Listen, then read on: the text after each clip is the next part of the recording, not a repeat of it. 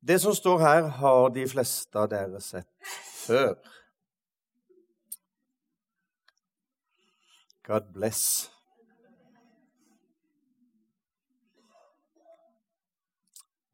Det er menighetens visjon. Og Eldsterådet har i løpet av det siste året brukt en del tid på å utforme den. Og nå sa Øyvind så vidt her at han hadde tenkt seg på eh, bibelskole på onsdag klokka sju. Det var hyggelig, Øyvind, for da blir jeg iallfall ikke aleine. Eh, for det er sånn at i forbindelse med dette arbeidet òg, eh, så har Eldsterådet hatt et ønske om å gi et tilbud for litt mer bibelundervisning. Eh, arbeidet er jo på mange måter i menigheten bygd på to pilarer. Det er bygd på dette her med søndagssamlingen som vi er på nå, som storsamlingen, fellessamlingen, og i tillegg til det smågruppearbeidet som mange er med på, men som det er plass til flere i. Men i tillegg til det så har det altså vært et ønske om å ha litt mer bibelundervisning. Og som en litt sånn eh, pilot, eller eh, prøve, på om eh, dere ønsker det, så har vi sagt at eh, vi skal ha to samlinger nå på forsommeren. Eh, og den første er altså allerede førstkommende onsdag klokka sju. Alle er hjertelig velkommen. Du behøver ikke å melde deg på på forhånd, men du kan gjerne gjøre det og snakke med Stein. Eh, men du behøver ikke det. Du er velkommen bare til å komme. Eh, det er to, og så I tillegg til det så det da, er det planlagt seks samlinger på høsten, hvis, eh, hvis det er interesse for det. Og Datoen er allerede publisert i, i månedshilsen, så det, det kan du se. På de to første samlingene, som vi også har kalt visjonssamlinger, så, så har vi satt fokus på nettopp menighetens visjon å lede mennesker til Guds betingelsesløse kjærlighet. Det blir nok hovedtema på onsdag. Så 14 dager etter det så samles vi igjen med fokus på å lede mennesker til etterfølgelse av Jesus. Nå er det veldig lenge siden jeg føler det iallfall sånn sjøl, at det er veldig lenge siden jeg preka her sist. Eh, men når jeg gjorde det, eh, så hadde jeg utgangspunkt i den første delen her og snakka om eh, å lede mennesker til Guds betingelsesløse kjærlighet. Og i kveld, selv om det blir litt repetisjon, og selv om det blir enda mer repetisjon på onsdag Men repetisjon er veldig bra, skjønner du. For da kan det hende at noe sitter etter hvert. Eh, og det er ikke så dumt når noe sitter etter hvert. Eh, så i kveld etterfølgelse av Jesus. Lede mennesker til. Det er ikke lett å lede mennesker. Enhver av oss som har prøvd på det, vet at det kan være utfordrende å lede mennesker. Men eh, Eldsterådet i menigheten her i Elvebyen familiekirke har altså satt som utgangspunkt at vi som menighet eh, skal være med å lede mennesker. Vi har et mål om å lede mennesker, og når du har et mål om å lede mennesker, så har du et mål om å lede mennesker i en spesiell retning et mål om å lede mennesker til Guds betingelsesløse kjærlighet. Det er egentlig å lede mennesker til et møte med Jesus. For det er der vi møter, og det er der vi finner Guds betingelsesløse kjærlighet. Det er et møte med Jesus.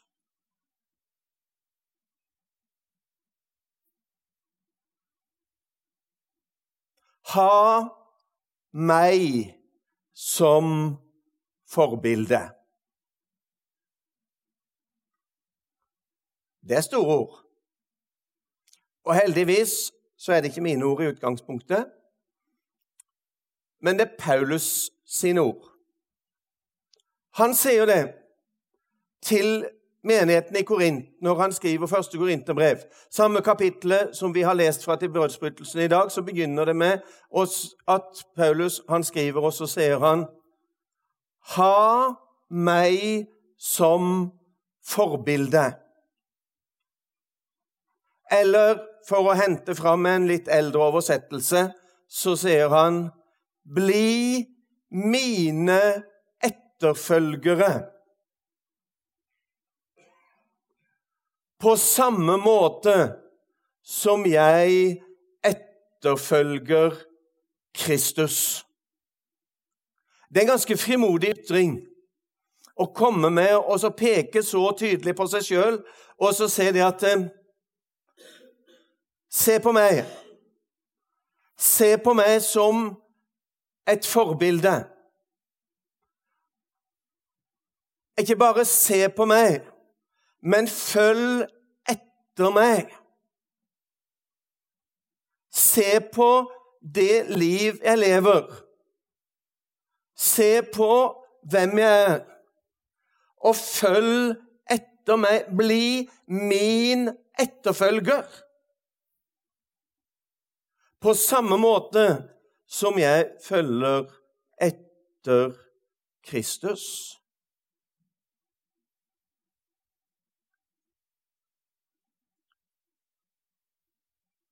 Jeg tenker at en kanskje er kommet et godt stykke på helliggjørelsens vei når en tør å være så frimodig og be mennesker om å følge etter på denne måten. Jesus vandrer en dag ved Galileasjøen. Vi kjenner historien veldig godt. Han møter to brødre som er fiskere, som sitter ved båten til sin far og renser garn etter at de har vært ute og fiska. Så stopper han opp foran de, greier å fange deres oppmerksomhet. For det er lite for seg å prøve å få sagt noe hvis ikke han greier å fange noens oppmerksomhet. Han greier å fange deres oppmerksomhet, og så kommer han med et veldig tydelig og klart budskap kort og umulig å misforstå. Følg meg.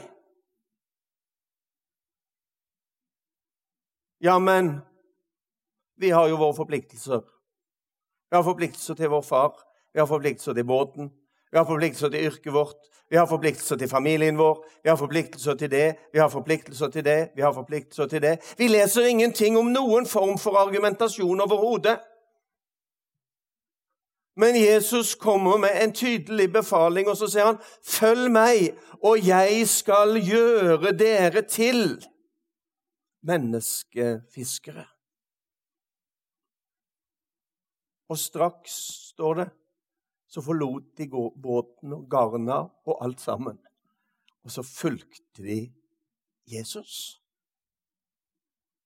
Ganske dramatisk, ganske omveltende i en eh, livssituasjon der den daglige rutinen den gikk sin gang, og de hadde sin jobb og de hadde sine forpliktelser, og de hadde alt sammen. Og så plutselig så står det en mann, og så sier han, 'Følg meg', så skal jeg gjøre dere til noe annet enn det dere er nå. Nå fisker dere fisk i Genesaretsjøen, men i sammen med meg så skal dere oppleve at hvis dere følger meg, så skal dere formes til å bli noe annet enn det dere er i dag. Og han snakker ikke om prestasjon. Han snakker ikke om at de skal få til, han snakker ikke om at de skal gjøre, men han har bare det ene budskapet 'Følger dere etter meg', så vil det skje noe med dere. Dere vil omformes til å bli noe annet enn det dere er i dag. Dere skal bli menneskefiskere. Og så er det altså vårt oppdrag i henhold til menighetens visjon å lede mennesker til etterfølgelse av Jesus. Og det er klart at Da henger det sammen med begynnelsen her, for det, det begynner med et møte med Jesus. Hadde de ikke fått et møte med Jesus der ved stranda ved Genesaret, eh, så hadde de nok heller ikke fulgt etter, men de fikk møte han. Og så får de lov til å følge for å bli etterfølgere. Bli etterfølgere. Vi bruker ofte uttrykket 'disippel'. Men det å være en disippel, det er egentlig det samme som å være en etterfølger. En lærling. Det sitter noen her i salen som har vært lærlinger, og det sitter noen her i salen som har hatt lærlinger. Og, og noen kjenner utfordringen fra begge sider. Men det handler jo om å lære ved å være i sammen med en mester ved å være sammen med en mester. Hvis vi Altså, vårt læresystem i dag er veldig annerledes i forhold til det læresystemet som, som var vanlig på Jesu tid. For vi begynner på skolen når vi er seks år, Uh, og så sitter vi på skolebenken, og så er det diverse læreplaner gjennom den perioden som omformes litt etter hvem som sitter og styrer og bestemmer. Uh, og så sitter vi på skolebenken sånn iallfall i en 12-13 år, og så, og så, fortsetter mange på skolebenken og på studier etter det, og så er det, så er det mye lesing. Uh, og så er det mye dosering og mye undervisning, litt sånn på samme måte som jeg holder på med med, dere nå. Eh, og kanskje ikke det er den mest effektive måten å lære på. På Jesu tid så var det sånn at ofte så gikk et yrke i arv. Sønnen ble som faren. Det var ikke så uvanlig, det. Og ofte så var det sånn at læringa skjedde med at den lille pjokken så på pappa og tenkte Tenk om jeg kunne få til det samme som han? Tenk om jeg kunne få lov til å bruke de samme verktøyene som han? Tenk om jeg kunne få lov til å lage noe av det samme som pappaen min lager? Og så vokser denne ønsket eh, i denne gutten som vokser opp, om å bli som sin far og lære av han. Og så er det på en måte undervisningsopplegget som går på den måten. Han begynner med å se. Begynner med å se. Og etter hvert som han vokser til, så fikk han lov til å prøve litt. Så viser pappaen litt åssen ting skal gjøres, og så får han lov til å prøve litt.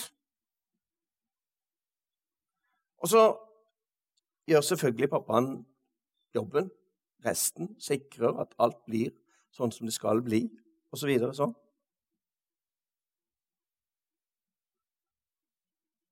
Etter hvert så får han lov til å gjøre litt mer.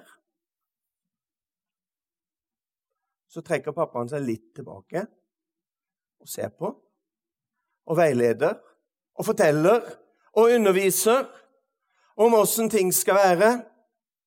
Og så går det en periode til, og så blir han enda flinkere. ikke sant? Og så kan faren trekke seg mer og mer tilbake, og så kan han overlate mer og mer eh, til sønnen sin, eh, som, som, da plukker opp mer og mer og mer og mer eh, for å bli som sin far, eller i lærlingyrket for å bli som sin mester.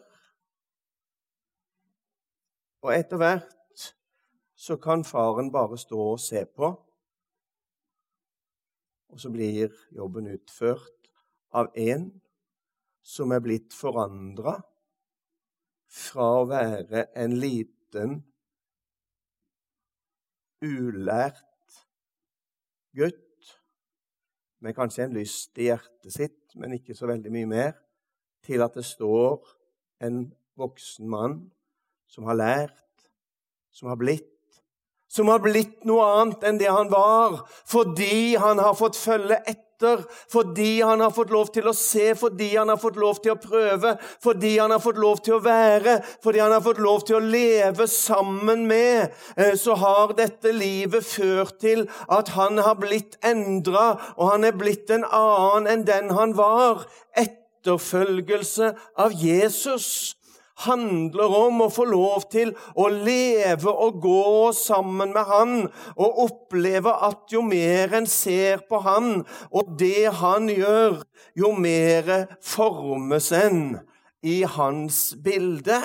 Og kanskje det til og med går an for noen av oss på et eller annet tidspunkt i livet å komme så langt som Paulus var kommet, at han våger å se Nå kan dere se på meg. Fordi at jeg har etterfulgt Kristus så lenge, i så mange år, igjennom så mange prosesser, igjennom så mye utvikling, igjennom så mye læring, igjennom så mange ting, så har livet mitt blitt forandra på en sånn måte at hvis dere følger etter meg, så følger dere egentlig etter Kristus. Lede mennesker til etterfølgelse av Jesus. Og så handler det om læring, men så handler det om noe mer. Og da har jeg lyst til å lese fra Filipperbrevet, det andre kapittel og vers fem. Der står det La det samme sinnelag være i dere som også var i Kristus Jesus. Han var i Guds skikkelse og så det ikke som et rov å være Gud lik, men ga avkall på sitt eget, tok på seg tjenerskikkelse og ble menneskelik. Da han sto fram som menneske, fornedret han seg selv og ble lydig til døden, ja, døden på korset. Derfor har også Gud opphøyd han til det høyeste og gitt han navnet over alle navn. I Jesu navn skal hvert kne bøye seg i himmelen, på jorden og under jorden, og hver tunge skal bekjenne Jesus Kristus er Herre til Gud Faders ære. La dette sinn være i dere. Og så underviser Paulus og forteller oss hva det var som prega Jesus sinnelag. Det var altså ikke bare det han gjorde i handling, men det var det som prega hans sinnelag, som dreiv han i handling. Og så legges det eh, noen sånne hovedpunkter i det som var Jesu liv. Han gav avkall. Han måtte legge noe bak seg. Han måtte gi avkall på noe. Hva ga han avkall på? Jo, han ga avkall på himmelens herlighet. Han ga avkall på å være i Guds nærhet i den evige himmelske verden. Han ga avkall på det han hadde stått i og levd i og vært hans ifra skapelsens begynnelse av. Han ga avkall på det evige, ubegrensa, for å bli et menneske og komme inn i den menneskelige begrensning med tid og rom og alt dette her som hadde med den menneskelige begrensning å gjøre. Han var villig å gi avkall når han var i Guds skikkelse. Og så tok han på seg en tjenerskikkelse. Han tok på seg en tjenerskikkelse. Forventningen var til Messias at kongen skulle komme. Han som kom, var Guds tjener. Det var han som kom for å tjene. Det var han som kom. Han kom ikke som verdensherskeren. Han kunne ha gjort det. Han er Gud ifra evighet av. Han er med under skapelsen, han har vært med på alt. Men han gir avkall, og så kommer han ned, og så blir han et menneske for å kunne tjene mennesker. La dette sinn være i dere, som òg var i Kristus Jesus. Han var villig å gi avkall. Han var villig å bli en tjener. Han var lydig.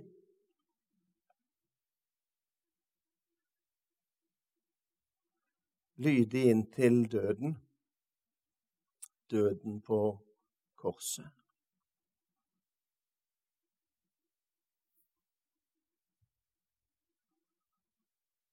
Han var villig å gå hele veien fordi han elska oss. Og så kaller han oss, og så kalles vi i dag til å bli Jesu etterfølgere.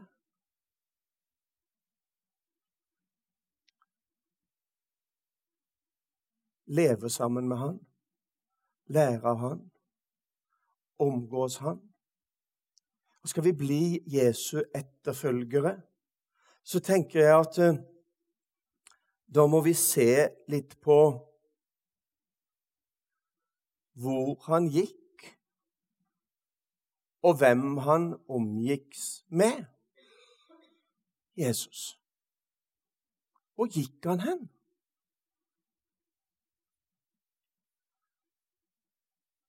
Han var midt i livet. Han var midt iblant menneskene. Han var akkurat der som livet rørte seg. Det var der han var. Det var ikke alle som syntes at det passa seg for han som utga seg for å være Guds sønn.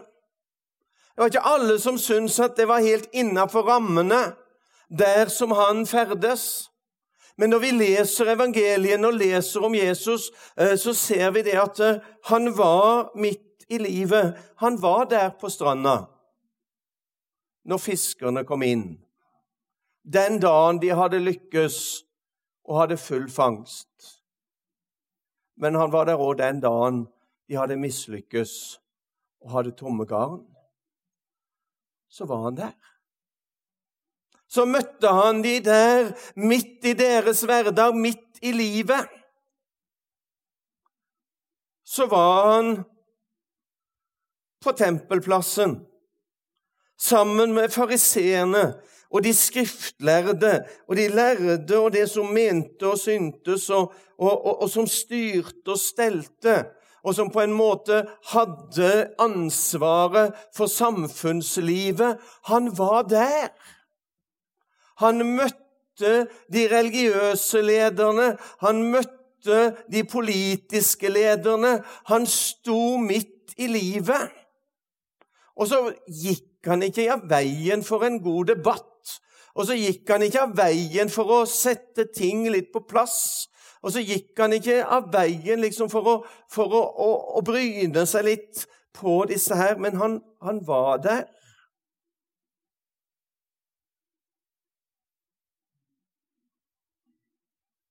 Han var hos vennene sine. Vi leser igjen og igjen at han kommer til Martha, Maria og Lasarus' hus. Ikke først og fremst fordi han hadde noe veldig oppdrag med å komme dit, men det var vennene hans. Han hadde behov for å være sammen med vennene sine. Og han pleide fellesskap med vennene sine. Han var der hos Martha og Maria når de hadde hyggelig lag, og når de var sammen i hyggelig lag. Han var òg der når døden banka på. Når smerten var der, når lidelsen var der, når fortvilelsen var der. Ja, han kom litt seint. Ja, han kom litt seint. Og noen ganger kan vi lure på hvorfor i all verden kom han litt seint. Bare slapp av med det. Han har kontroll. Han kommer, han. For det har han lovt. Og så er han der, midt i smerten og midt i lidelsen.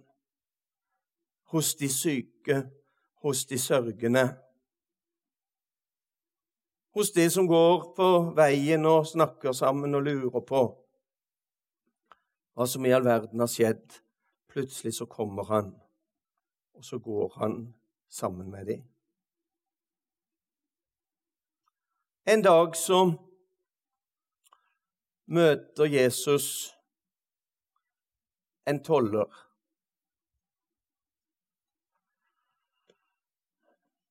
Og en toller var ingen hvem som helst.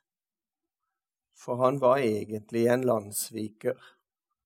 Han hadde tatt oppdrag for okkupasjonsmakten. Så han var ikke av de velansatte i samfunnet. Han var en av de som hadde trådt over, og som de fleste absolutt ikke ville ha noen ting med å gjøre.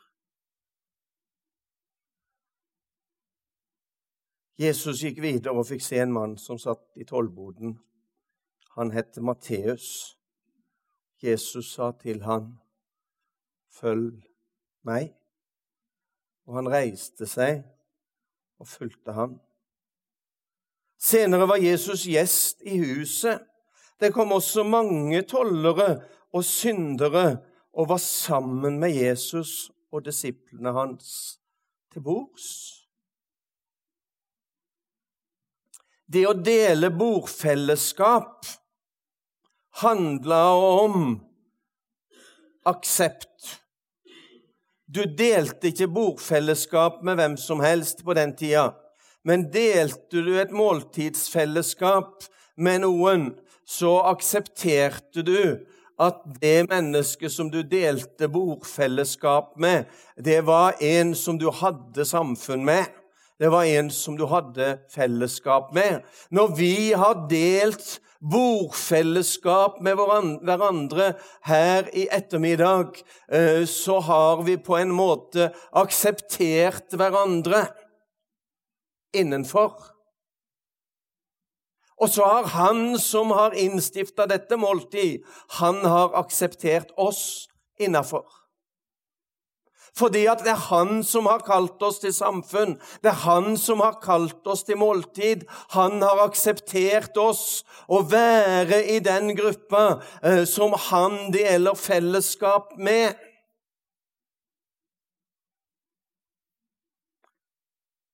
Jesus var gjest i Matteus' hus sammen med mange toller og syndere og hans disipler. Dette så fariseerne, og de sa til disiplene, Hvorfor spiser mesteren deres sammen med tollere og syndere? Hvorfor spiser Jesus sammen med tollere og syndere? Vi omgås da ikke tollere og syndere. Lede mennesker til etterfølgelse av Jesus handler om å gå der Jesus gikk. Handler om å være der Jesus var. Handler om å omgås mennesker på den måten Jesus omgikk mennesker på. Ikke etter fariseernes retningslinjer. Jeg snakka litt om det sist når jeg snakka om den betingelsesløse kjærligheten så snakker jeg om det som ikke bare hadde loven, men som også hadde alle sine forskrifter, som de var veldig opptatt av. At alt gikk rett for seg etter forskriftene. De visste åssen det skulle være, det. De hadde alle svara. De visste åssen uh, ting skal være, og hvem du skal omgås, og på hvilken måte du skal omgås. De, de, visste åssen det var, og visste åssen det skulle være, og de var tydelige på å kunne melde om det. Hei, hei, nå er du utenfor rammene. Dette er ikke bra. Her skal hendene vaskes, og her skal føttene vaskes, og her skal alt være på stell før vi kan spise sammen. Og vi spiser iallfall ikke sammen med toller og syndere.